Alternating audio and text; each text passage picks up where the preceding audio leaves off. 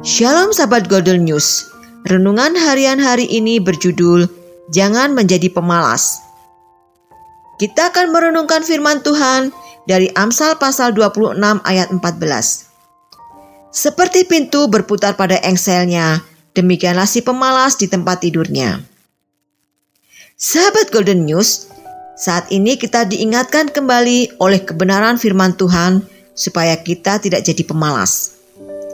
Dalam kehidupan kita, tentu yang namanya pintu menjadi barang yang setiap hari kita lihat dan gunakan.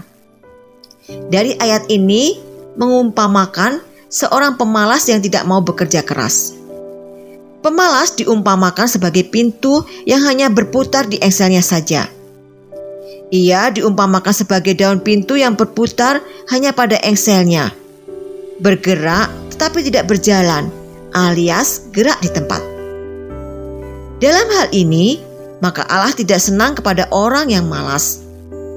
Salah satu hal yang bisa memacu kita supaya tidak jadi pemalas adalah dengan kita memiliki tujuan hidup yang jelas.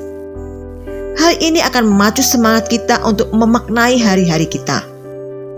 Lalu, yang tak kalah pentingnya, kita juga perlu memiliki perencanaan yang benar agar kita menjadi orang-orang yang bijaksana karena tidak menyia-nyiakan waktu hidup kita.